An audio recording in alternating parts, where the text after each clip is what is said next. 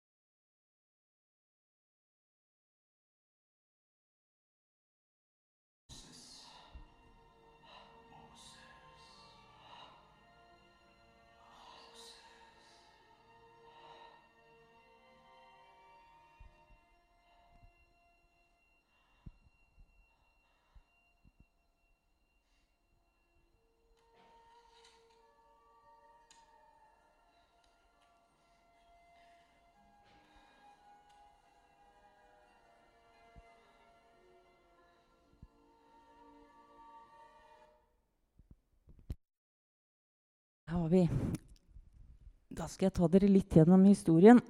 Eh, så skal vi faktisk leke litt, men vi får ta det etter hvert. Men det er jo sånn, jeg er jo lærer, så det er jo sånn, vi må jo ha noen poenger som vi kan huske det. ikke sant? Så nå tar jeg av meg skoa, fordi det, det, gjorde Moses. Han tok av seg skoa, for det, det stedet han sto på, det var hellig. Og denne historien er jo kanskje en av de kjente. Hvem har ikke sett kanskje filmen 'Prinsen av Egypt' på skolen f.eks.? Men hvordan havna de der? Jo, det var jo Josef som eh, ble kasta i en brønn og solgt av brødrene sine. Og, og redda egentlig både Egypt og eh, sitt folk da, fra hungersnød. Eh, men hungersnøden tok slutt, og de ble værende der, det folket. Det er akkurat som vi skulle liksom flytta til et annet land og blitt værende der. Og så døde jo den kongen som på en måte hadde syntes vel om Josef. Og så gikk det litt tid, og disse israelittene de var veldig fruktbare. Så det folket det vokste, det ble stort. Og så kom det en ny konge, og så følte han at de var veldig truende. Og så satte han de, de til slavearbeid. Og det ble så ille at han ville at alle guttebarn skulle drepes. For det var så mange som eh, Det ble så masse folk. Han tenkte at hvis, hvis, det kom noen og skulle ta landet, så ville disse israelittene liksom slå seg sammen med fienden.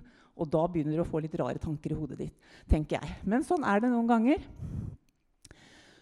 Og, men Gud var med alle de som gjorde hans vilje. Og jordmødrene fikk jo beskjed av kongen at de skulle ta og drepe guttebarna. Det er jo helt forferdelig. Men det gjorde ikke jordmødrene. Og de skyldte på at de eh, damene, de israelittiske damene de var så sterke, så de, de, greide liksom å føde før de kom fram. Så veldig mange vokste opp. Men det var ganske sånn eh, De ble på en måte tatt, de ble fulgt med på, og det var nok noen som måtte eh, Det var nok mange som var lei seg for at noen døde. Og så kommer denne gutten da, som vi får høre om, som heter Moses. Og så er det så mange ting i den historien og mange ting man kan legge vekt på. Men jeg syns det er liksom spennende, fordi at Moses han var visst et veldig vakkert barn. Og det syns jo alle mammaer, da. Det er jo sånn at Når man har blitt mamma, så bare åh, det er jo skjønneste i verden. ikke sant? Og så får han være der litt og de, liksom passe på den. Men så blir han jo litt sånn stor etter hvert. Da. Og hva skal han gjøre? Da blir det jo merkbart at det er barn i huset. Og du har sikkert kontroller på er det en jente eller er det en gutt. ikke sant? Og så tenker hun at jeg, jeg, må ha en plan. Og så tenker jeg, hva er det Gud gjør? Er det sånn at han sender våre tanker, eller er det sånn at vi er kreative, eller hva er det? Jeg skal ikke si svaret, men hun tar og fletter en korv. Og så setter hun den inn med sånn bek liksom, sånn at den kan flyte. Og så legger han Moses oppi den, og så setter han sånn forsiktig ut på elva. For at uh, den ikke skal liksom gå under. da, Og så setter hun barna altså den søstera til å liksom passe på. da.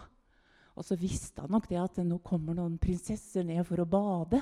Så den, den vil bli oppdaga. Og det er jo akkurat det som skjer. For det er jo en av prinsessene, døtrene til faraoen, som kommer. Og så syns jo hun at den er så vakker. Og så sier da søstera at skal jeg finne en amme Altså det betyr noen som kan liksom passe på den, for at eh, prinsessa jo ikke, hadde jo ikke melk i puppen. for å si Det sånn. Så det gikk hun med på. Så da fikk jo Moses være hjemme hos foreldrene sine litt til. Men så får han jo vokse opp som prins. Og, eh, men han skjønner at han er liksom en del av det folket. Han er liksom ikke en del av de kongelige, på en måte, men han får jo en kongelig utdannelse. Han er sikkert veldig godt utdanna og kan mye. Og, og, sånn. og så er det en dag hvor han på en måte prøver å gå gjøre rett for sitt eget folk, og så ender det med at han dreper en egypter. Og så ryktes jo det at det er jo ikke bra. Så da må han rømme. Og da rømmer han av gårde. Og da kommer han til et land som heter Midian. Og i Midian der er det faktisk noen slektninger av han som bor.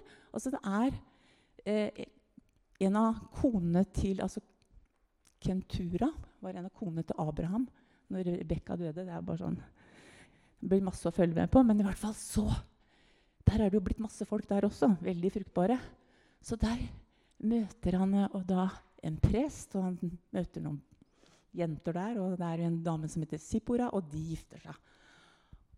Og sånn går dagene. Det går 40 år.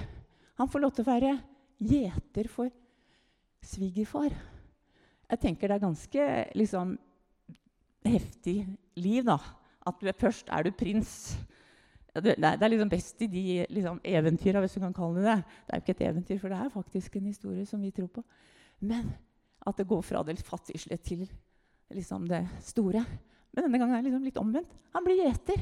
Og gjeter der. Jeg tror han er fornøyd. Han får være ute. Og en dag så, vi, så ser han en brennende busk. Det er ikke så uvanlig i ørkenen at det liksom setter fyr, men den brenner jo ikke opp. Og det er da han går bort. Han blir jo nysgjerrig. Hvem ville ikke blitt nysgjerrig på det? da? Gå bort og du ser en brennende busk, og den er like grønn og fin, og du bare Wow. Og så kommer stemmen og så bare Ta deg på føttene. Det stedet du står på, det er hellig. Det som er litt interessant, da, det er jo da at han får et oppdrag som han kanskje ikke har så veldig lyst på. Det skjønner man jo. Så gå tilbake og be om de, at de skal komme ut. Og det er jo ikke sikkert de har lyst engang. ikke sant? Det, og det får vi greie på. Det er litt, eh, litt trøbbel underveis. Men det som er spennende, det er at Gud sier til Moses at han skal bruke det han har i hendene. Og det han har i hendene, tok jeg jo ikke med den stokken, da, men bare, det er egentlig mer interessant hva han kan gjøre med den stokken. For at han har jo den stokken. Og så kaster han den ut. Han får beskjed og så blir det en slange, og så tar han opp, og så er det en stokk igjen. Og så er det gjennom den at Gud gjør mange under. Og det er mitt budskap, eller det som jeg har tenkt på, da. Det er liksom hva kan vi gjøre med det vi har? Mammaen til Moses, hun gjorde hva hun kunne for å redde han. Hun visste ikke hva konsekvensen ville bli. Hadde ikke en anelse om at han til slutt skulle redde folket sitt ut av Egypt. Og når vi gjør ting som på en måte er en god ting, eh, som vi kanskje blir minna om, så vet ikke vi konsekvensen av det.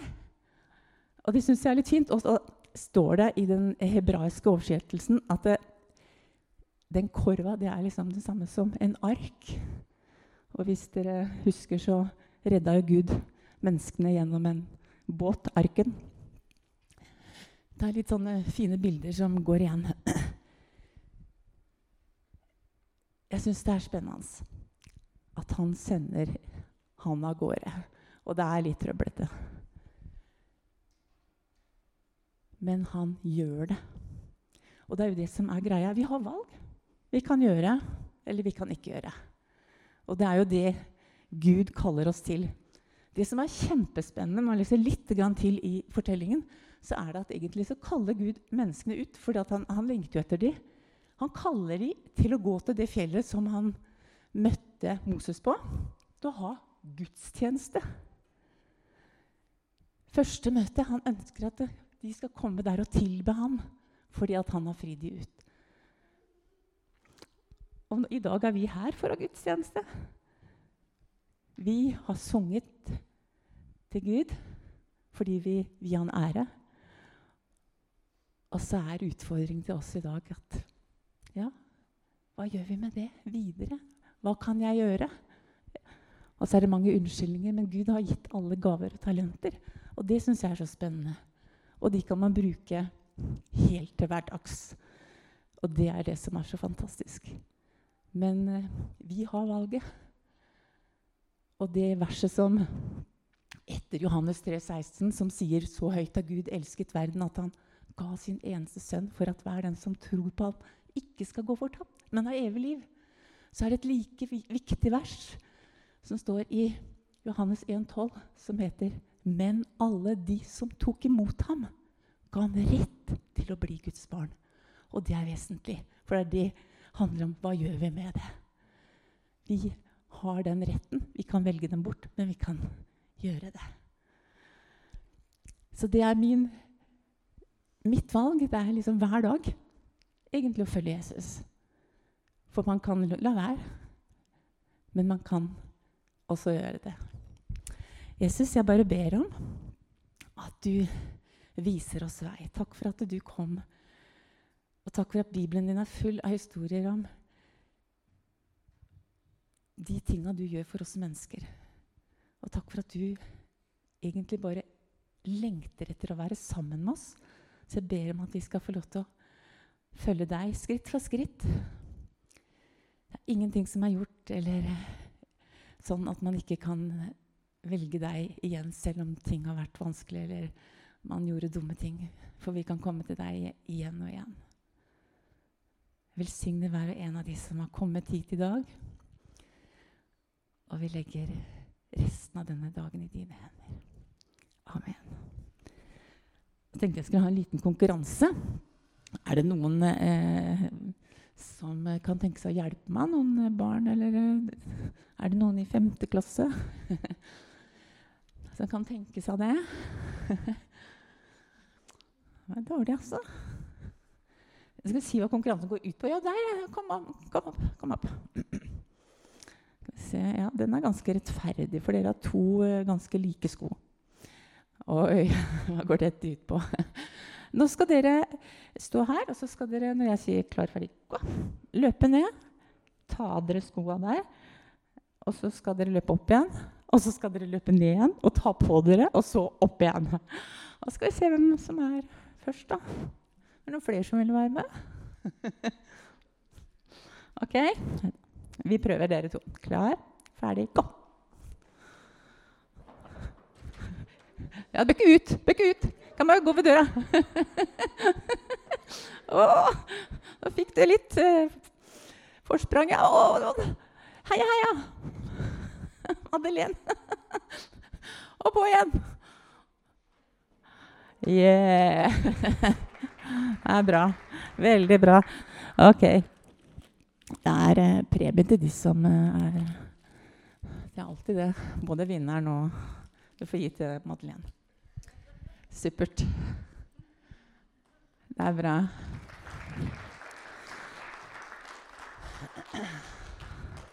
OK. Det er en, eh, en som kan hjelpe meg. Kanskje du har lyst til å hjelpe til meg nå? Har du det? Det er bra.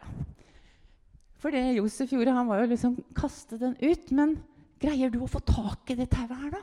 Hvis jeg bare holder det i bevegelse, greier du å få tak i enden? Og der lager jeg det litt vanskelig for deg. Åh, ta.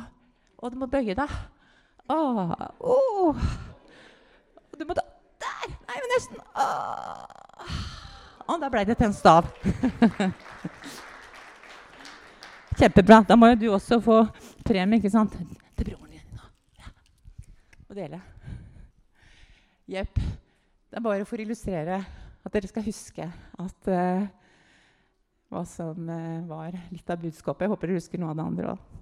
Jepp.